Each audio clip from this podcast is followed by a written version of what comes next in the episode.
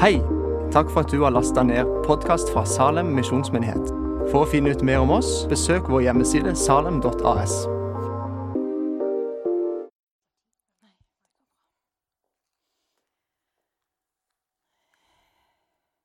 Tusen hjertelig takk for en skjønn lovsang. Jeg ble bare så satt ut, så jeg tenkte Kan vi ikke bare fortsette?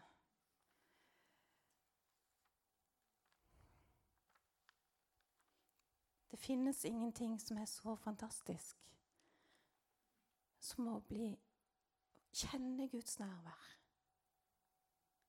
Jeg blir satt ut hver gang. Tenk at den høyeste, den allmektige, han som har skapt himmel og jord, så velger han å komme og berøre hver eneste en av oss. Takk, Jesus. Så far, jeg ønsker bare å takke deg. Takk at du er nær. Takk for ditt nærvær, Herre. Takk, Jesus.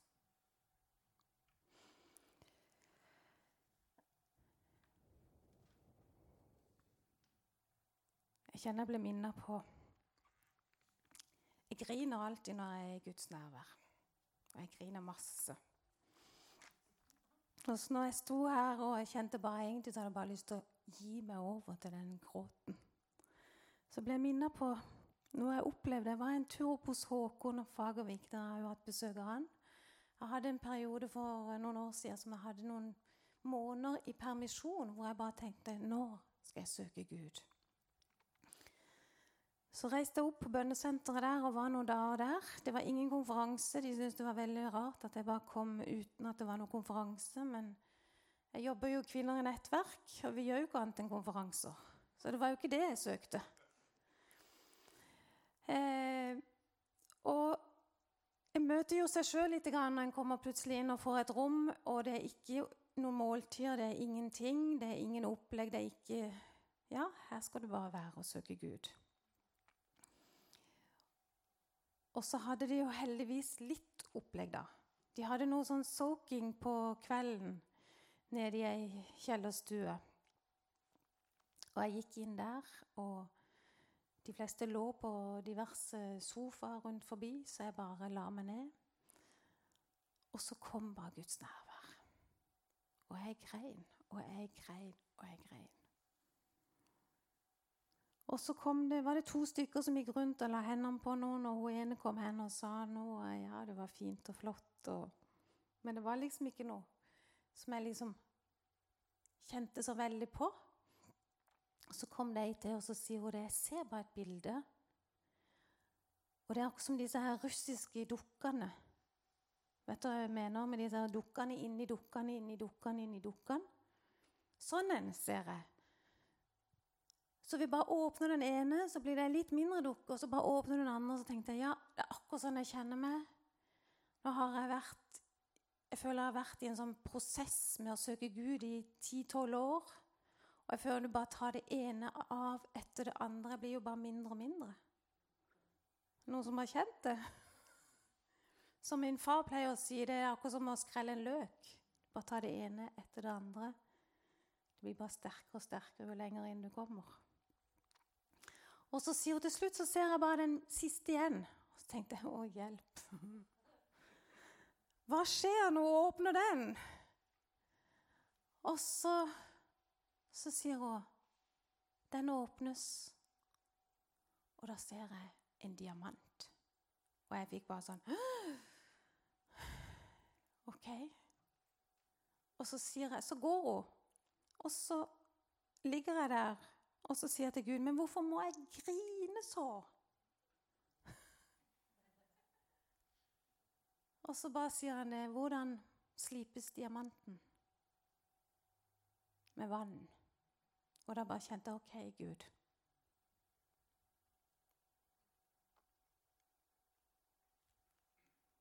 Hvis ditt nærvær kan være med å slipe meg, så kan jeg bare grine det helt, helt OK.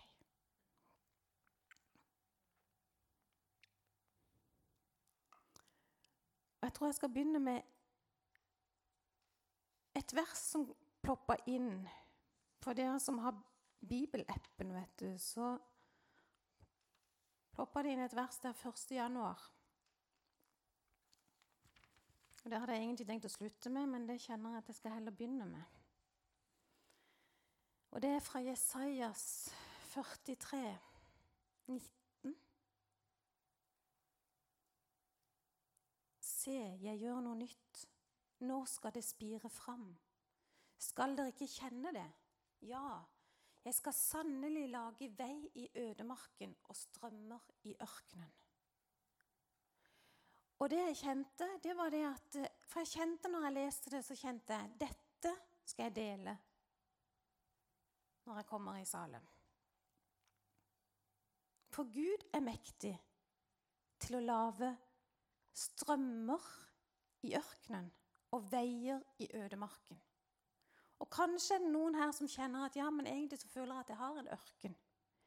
I min prosess med å, fornyelsesprosess med å besøke Gud så følte jeg at han førte meg rett ut i ørkenen.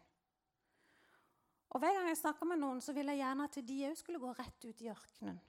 For det var jo sånn han hadde gjort med meg, så da måtte han jo gjøre det med alle. Men Gud gjør det på sin måte med hver enkelt av oss.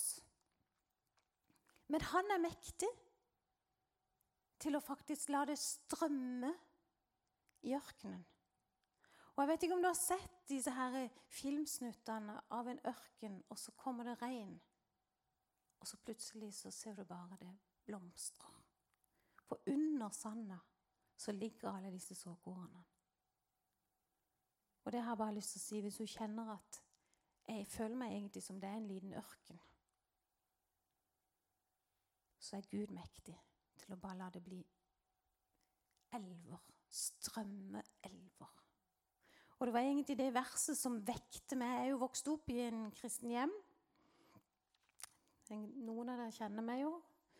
Og Jeg har alltid trodd på Jesus og alltid levd eh, med Jesus, men ble kanskje litt opptatt av livet og familie og alt mulig. Og så kom det til et punkt med tre barn og mann og hus og hjem og jobb og alt det som er med det, hvor jeg bare plutselig følte at det var litt sånn fasade.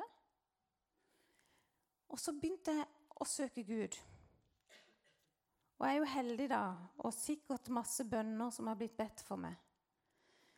Eh, for jeg har jo noen foreldre som virkelig er bønnemennesker. Så hvis dere vil plassere meg, så kan dere jo godt prøve på det. Jeg heter egentlig Norheim, er født Norheim, og har en far som mange kjenner, som heter Hilbert.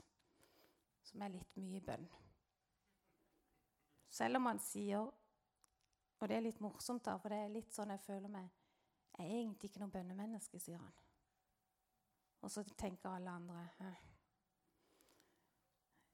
Og litt sånn kjenner jeg det sjøl. Men det er litt med det at det å kjenne Gud er noe annet enn bare bønn. Og for meg er bønn å kommunisere med Gud. Og kommunikasjon er ikke alltid like lett. Noen kommuniserer vi lett med, andre kan være kjempevanskelig å kommunisere med. Men det er derfor Gud sier at vi skal kjenne Han. Og det verset som jeg lette etter, nå plutselig fant jeg det jo ikke Det var kanskje Johannes 7, 7, 737. Dette her med fra vårt indre så skal det velle strømmer av levende vann. Og Da kom jeg til et punkt hvor jeg bare kjente Gud, hvis jeg skal være helt ærlig, så er det ingen strømmer av levende vann her, altså. Vi kan komme hele familien, vi kan sitte pent og pyntelig søndag formiddag. Og alle syns det er veldig fint og flott. Og det var ei eldstebrorfrue som faktisk påpekte det. Vi hadde barnevelsignelse tredjemann, og vi så veldig perfekt ut. Og jeg tenkte det Det er fasade, tenkte jeg. Det er ikke sant. For på innsida var det ingenting. Og så begynte en sånn en søken etter mer av Gud. Jeg må kjenne deg, Gud. Jeg visste at jeg kunne aldri snu ryggen til. For jeg hadde opplevd så mye fra jeg var liten og opp igjennom, at jeg bare visste at dette er, dette er sannheten. Men fra det og til å kjenne han var det en lang vei å gå. Med masse tårer masse prosesser. Så for meg så er bønn Så jeg tror jeg bare deler litt ut ifra det jeg kjenner. Når Elin spurte meg, og jeg hørte det var bønneuke, så tenkte jeg da vil jeg dele dette. For for meg er det å kommunisere med Gud som min far. Og for meg er bønn bare det å få lov å være.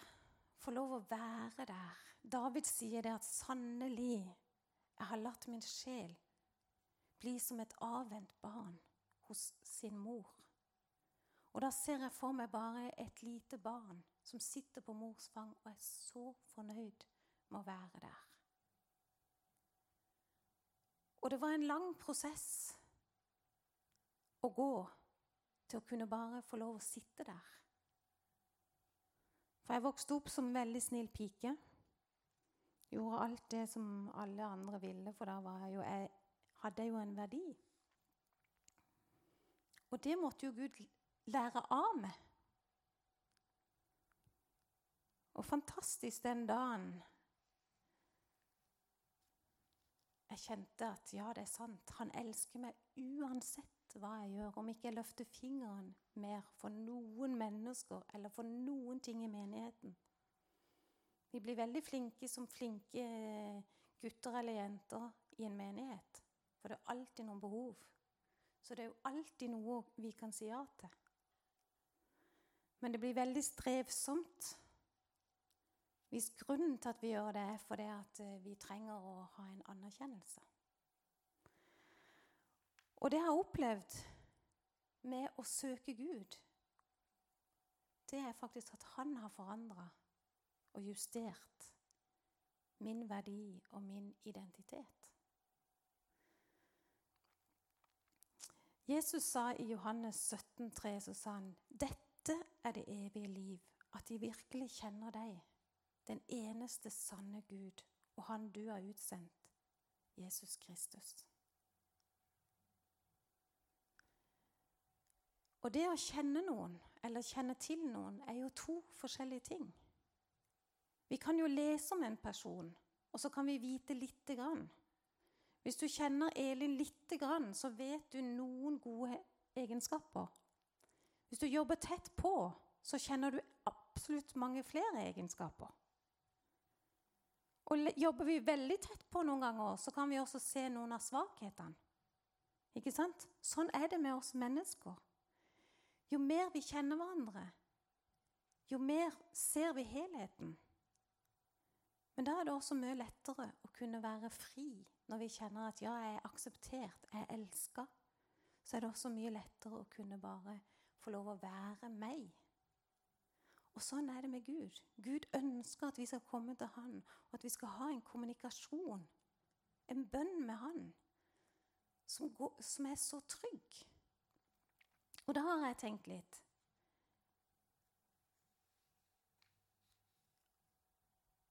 Kan vi avsløre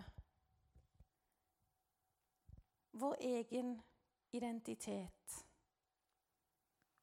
og opplevelse av oss sjøl med å bare lytte til oss sjøl når vi ber? Har du tenkt på det noen gang? Noen ganger så kan jeg lytte til mennesker som ber, så høres det ut som de vil prøve å høre om Gud er, har en god dag. Vær så snill, Gud. Vær så snill, Gud. Og vi hadde kom plutselig til meg i dag. Vi hadde ei ung mor i menigheten hos, oss som vi mista for noen år siden. Og hun, var, hun drev nesten hele barnearbeidet alene. Og så fikk hun lymfekreft og døde i løpet av bare noen få måneder. Men det var veldig mange rare kommentarer som kom. For da var det liksom Selvfølgelig så vil Gud helbrede henne. For hun trenger vi. For hun har stått på så mye. For hun har gjort ditt, og for hun har gjort datt. Og så tenker jeg, hva, hva er egentlig det? Legedommen fikk vi pga. det Jesus gjorde. Frihet fra synd har vi fått pga. det Jesus gjorde. Ikke om vi er flinke eller ikke flinke, snille eller ikke snille, om vi får det til eller ikke får det til. Alt det Jesus tilveiebrakte på korset, tilhører hver eneste en av oss når vi sier ja til Jesus. Så lever vi ikke der ennå at vi ser at det fungerer fullt ut.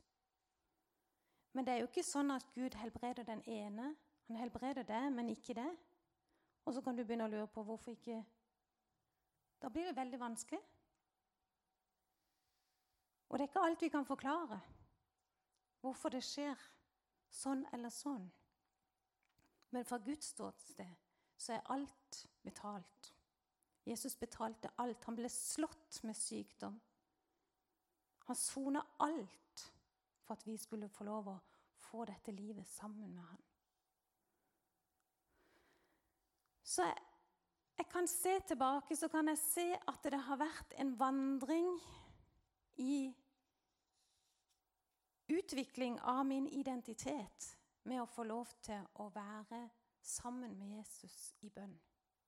Jeg kan se at han har begynt å plukke på det ene etter det andre av ting som, som jeg følte var riktig i mine øyne.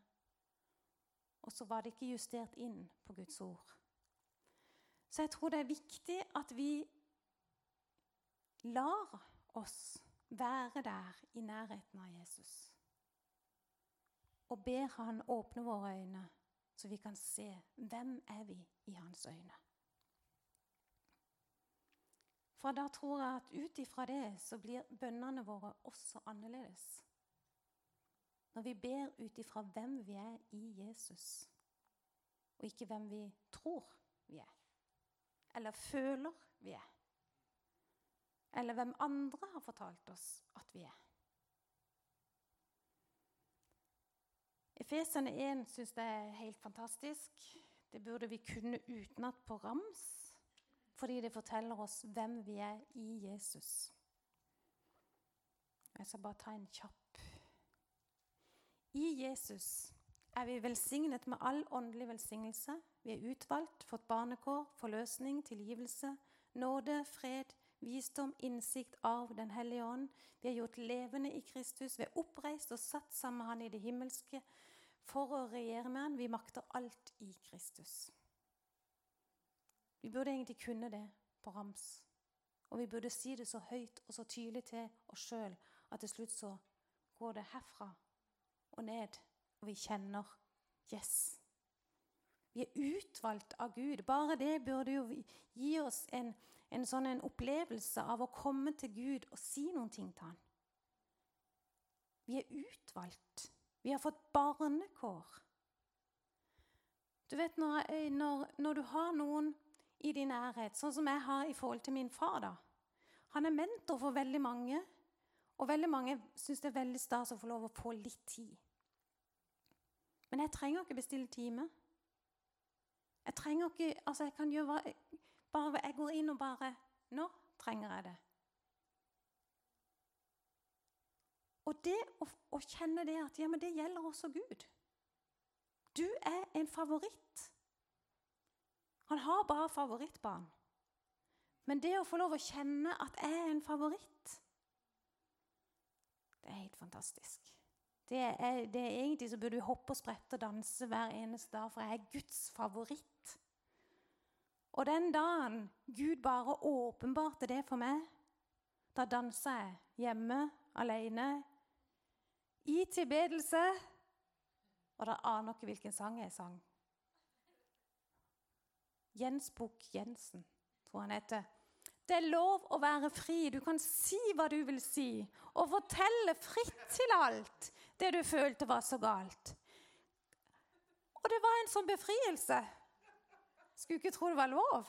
Men det var en sånn befrielse fra den jenta som var så opptatt av å bare gjøre alle andre til lags. Og så bare kjenne jeg er fri. Jeg er din favorittgud. Jeg kan gjøre absolutt hva jeg vil. Og det var jo ikke det at alle andre hadde fortalt meg at du må gjøre det vi sier. For da syns vi at du er ok. Det var jo bare sånne småting som jeg hadde bare lagt sammen. Litt her og litt der. Vet du, jeg, er, er eldste jente i en søskenflokk på syv. Så kan dere jo sjøl tenke dere. Jeg har en bror som er ett år eldre enn meg. Men han var jo gutt, ikke sant? Jeg er jo født i, tidlig på 60-tallet. Så det var jo jenter som fikk ansvaret. Og når det da kom brr, fem stykker etter, så fikk jeg jo veldig mange oppgaver. Og jeg ble skrytt opp og ned i mente, vet du, så det skjønte jo veldig godt det at her har jeg en verdi hvis jeg bare gjør. Men halleluja, Gud har satt oss fri fra å gjøre til å være. Og det viktigste for han, det er å kjenne han. Kjenne han. Og du vet, De fleste blir litt sånn når det gjelder bønn, så får vi litt sånn dårlig samvittighet. Vi har ikke bedt nok.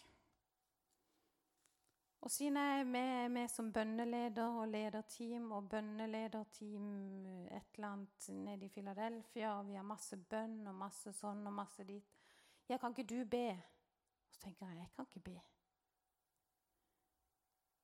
For hvis ikke det er Gud som gir meg bønn, så kan jeg ikke be. Så jeg tror egentlig ikke at vi kan bli så veldig gode på det. Vi kan kanskje bli veldig gode på lister, men det er utrolig slitsomt. Noen nikker. Noen vet ikke hva lister er, og takk for lov for det. Og jeg kjente en utrolig glede. Vi var oppe i Honningsvåg og hadde konferanse. Og sto, Vi sto i lovsangen, og det var en nydelig sang og et nydelig gudsnærvær. Og så kommer da den onde, ikke sant? Wenche, du ber ikke nok. Du husker jo ikke på dine egne engang. Du har tre barn og barnebarn og hele røkkelet. Og så husker du ikke på dem hver eneste dag engang. Og jeg måtte jo bare si meg enig i det. Egentlig så er det sant. Og jeg er forbønnsleder her. Det er fint. Og så bare slår Den hellige ånd inn i den tankerekka. Og så sier han, Wenche, når du går ett skritt nærmere meg, så går alle dine et skritt nærmere. Og jeg bare tenkte takk, Jesus. For det har jeg fått lov å se. Jeg har fått lov å se at velsignelsen Jeg lever under en velsignelse siden jeg har de foreldrene jeg har, som har levd med Gud. Og mine barn lever under en velsignelse, for de har to. Og tredje generasjon som kommer, de kommer til å få enda mer. Og ene dattera mi Jeg prøvde å si til henne når hun bestemte seg for jeg skal gå med Gud, så prøvde jeg å si til henne ja, du må nok søke lenge, og det kan ta noen måneder. Og jeg prøvde liksom å komme med min opplevelse. Så ser hun bare på meg. 'Mamma, jeg kan bare si Jesus.' Så kjenner jeg han. Jeg tenkte 'Hæ? Er det mulig?' Jeg følte at jeg måtte virkelig bare sette meg ned og si Gud, jeg gir deg dette, og jeg vil ha det på førsteplass i mitt liv. Og jeg måtte justere han opp fra tiende til første, og det tok mange tårer og mange timer før jeg bare kjente det Guds nærvær. Og så kommer generasjonen bak, og så bare sier de 'Jesus'. Så de lever under en velsignelse fordi vi velger rett. Og det er jo en fantastisk nydelig å tenke på. Tenk at generasjonen bak dere vil være velsigna pga. de valgene dere tar. Vi tar aldri valg bare pga. oss sjøl. Vi tar valg for så mange flere. Og ikke bare det. Vi tar valg for Norge. Når vi velger å søke Gud, når vi velger å stå innenfor Hans trone og si at vi vil være tilbedere, vi vil søke det, vi vil kjenne det dypere og dypere, så bringer det velsignelse til vårt land. Og det kjenner jeg bare mer og mer. Er det noe vi trenger i vårt land, så er det det. Vi trenger nåde fra Gud.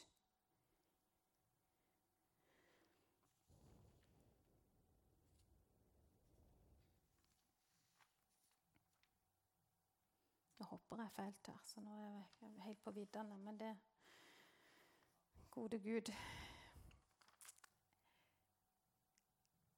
Jeg, så, jeg fikk en liten link her rett før jul. Jeg vet ikke om hvem av dere som har sett den på YouTube, men det, det er et lite dramastykke om Fader vår. Fantastisk. Jeg fikk det av en, en i menigheten som er spansktalende, så jeg fikk det jo da på spansk. Men heldigvis med Det var jo engelsk eh, tale, da, så jeg klarte å høre på talen og ikke se på spansken. Men det er da et lite dramastykke hvor ei dame setter seg ned for å gjøre sin religiøse plikt. Og så begynner hun 'Fader vår'. Ja, er det en mannestemme som sier. Og hun blir helt sjokka. Hva? Var det noen som svarte?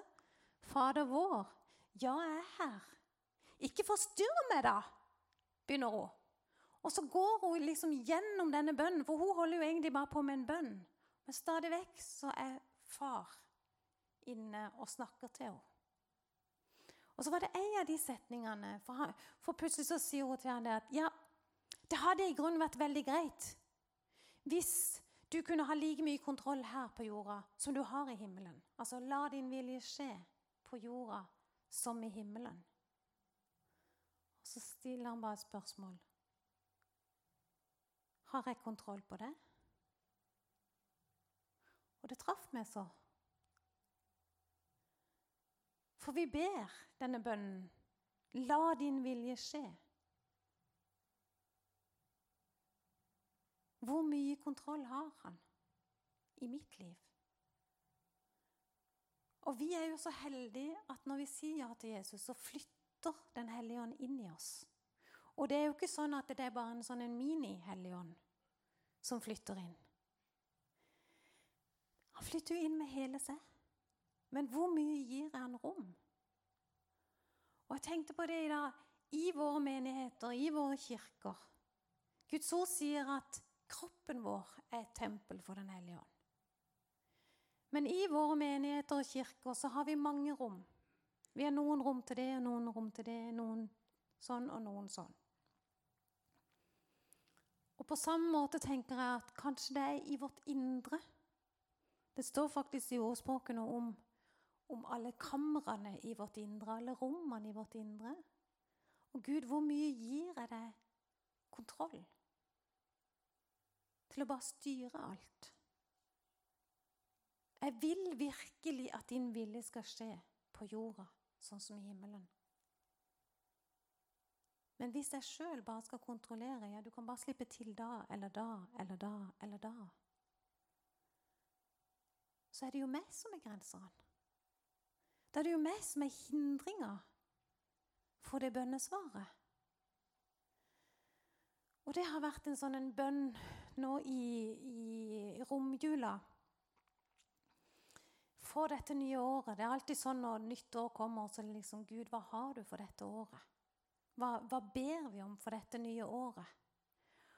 Og jeg har bare kjent mer og mer Gud, jeg vil bekjenne det enda dypere. Jeg vil gå dypere. Og jeg vil at det ikke skal være noen hindringer i mitt liv som, ikke, som gjør at jeg ikke kan vise Jesus til andre. Og så må jeg begynne å tenke ja, hva er det som gjør at jeg ikke tør? Er det menneskefrykt? Og kanskje så tenker han nei, jeg har ikke så mye menneskefrykt. Jeg tør jo både det ene og det andre. Men kanskje er det akkurat det det er. Satt og så på eh, Forberede nyttårsaften med å se halvannen time på, på Todd White. De som vet hvem han, er. Og hvordan han bare gikk ut i sin hverdag og bare deler Jesus. Og så tenker jeg, hvor ofte går jeg på butikken og er liksom på på å dele Jesus til de på sida? Tenker ikke på det engang. Jeg er der bare. Så gjør jeg mitt, og så går jeg hjem.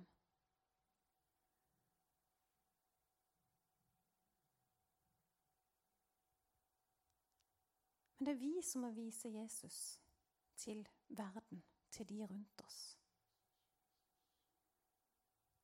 Hørte på disse gudslærlinger på TV fra Imi-kirka.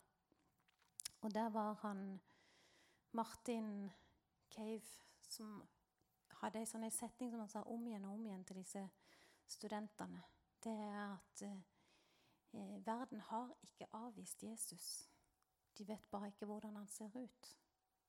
Vi må vise verden hvem Jesus er. Og jeg bare tenkte det er hensikten. Hensikten med mitt liv er å vise verden hvem Jesus er. Og Gud gi meg nåde til å ikke være så opptatt av å tenke hva måtte andre synes å tenke og mene, men at jeg kan være på kanalen og formidle noe til menneskene rundt meg. Det har vært en sånn en bønn for det nye året. At jeg kan gå så dypt med deg, Gud, at jeg er så fri at jeg kan vise det uansett hvor jeg er, uansett hvem jeg møter, uansett hva som kommer på, så kjenner jeg det så sterkt at jeg kan høre når du taler til meg. At jeg kan merke det. At vi kan være i den der profetiske dimensjonen som gjør at vi faktisk kan se. Det trenger jo ikke være så mye folk trenger. Jeg har opplevd at noen ganger så er det bare en klem de trenger. Og hvis du spør Elin, så kan hun godt bekrefte at jeg er egentlig ikke noe veldig klemmemenneske. Jeg er ikke den der som må ha en klem, eller som absolutt må gi en klem. Men jeg har opplevd at Gud har bare møtt mennesker så konkret med å bare gi dem en klem. Fordi Den hellige ånd bor i oss. Det kan være et smil. Det kan være bare en liten trykk på skuldra. Det kan være ett ord. Men vi er kalt til å vise Kristiansand hvem Jesus er. Og det tenker jeg det må være vår dypeste bønn. At Gud la 2017 bli et år hvor vi blir satt i sånn frihet og får en sånn frimodighet. At det er ingenting som vil hindre oss i å vise hvem Jesus er.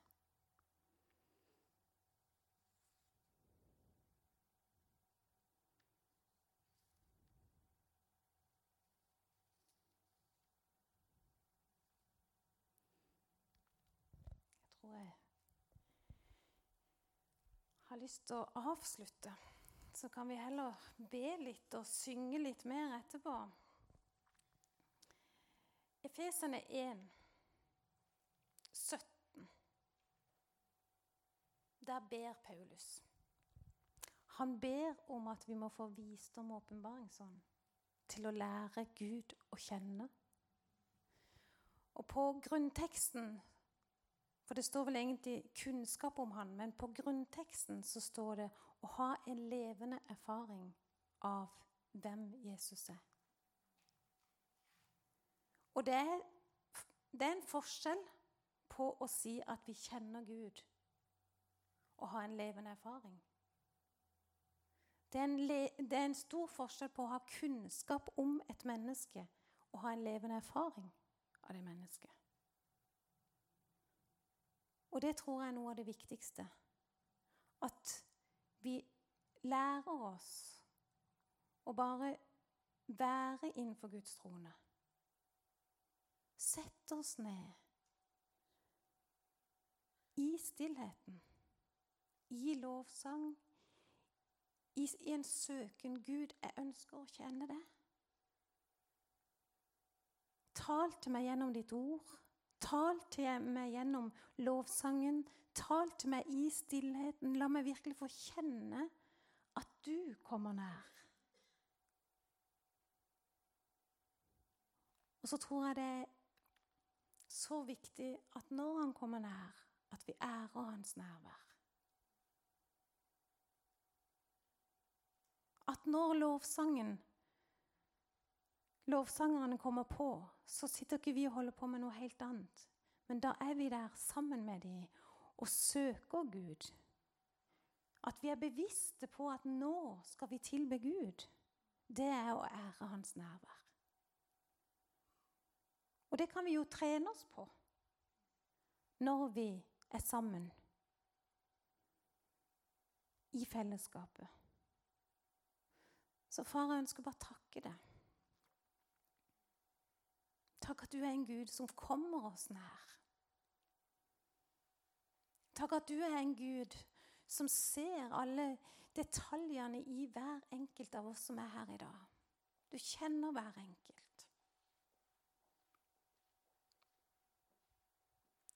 Og takk at din nåde og din kjærlighet går så dypt i hver eneste en av oss. Så far, jeg bare ber om at du skal virkelig berøre oss på dypet dette året. Jeg ber om at 2017 skal bli et år, Herre, hvor vi virkelig kan se tilbake og si ja, vi har lært å kjenne deg enda dypere. Og vi takker deg, far, for det at du er en god far. Takker deg for den verdien du har satt på hver enkelt av oss, er så unik. Takk at du berører oss, Herre, på en unik måte, hver eneste en av oss. Takk, Jesus. Takk for alt hva du har tilveiebrakt, Jesus. Takk at du var villig til å bli menneske. Takk at du var villig til å gå denne veien. Takk at du var villig til å ta på deg all vår synd og all vår skyld. Og takk for alt det du tilveiebrakte for oss. Og vi lengter etter å være et folk som bare lever i det fullkomne alt hva du har gitt oss. Vi lengter etter å se det midt iblant oss. At alt det som du har tilveiebrakt, Jesus, det fungerer midt iblant oss. Så vi vil gå dypere med det, Herre. Så vi gå, så vi kan lære å forstå, Herre. Så vi virkelig kan trø ut i det som du har for oss. Takk, Jesus. Takk, Jesus. Takk for din nåde imot oss.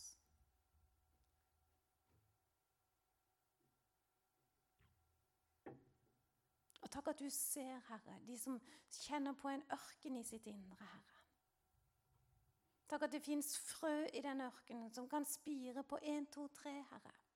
Takk at det fins frø i den ørkenen som kan skape et stort tre. Og far, jeg bare takker deg, for du er den som kan lage strømmer i disse ørkenene. Du er, du, du er den som kan lage vei i ødemark. Du er den som kan gjøre et nytt, nytt liv, Herre. Som kan skape ut av det som ingenting er. Så vi bare takker deg for at du vet, og du berører hver eneste en. Takk, Jesus.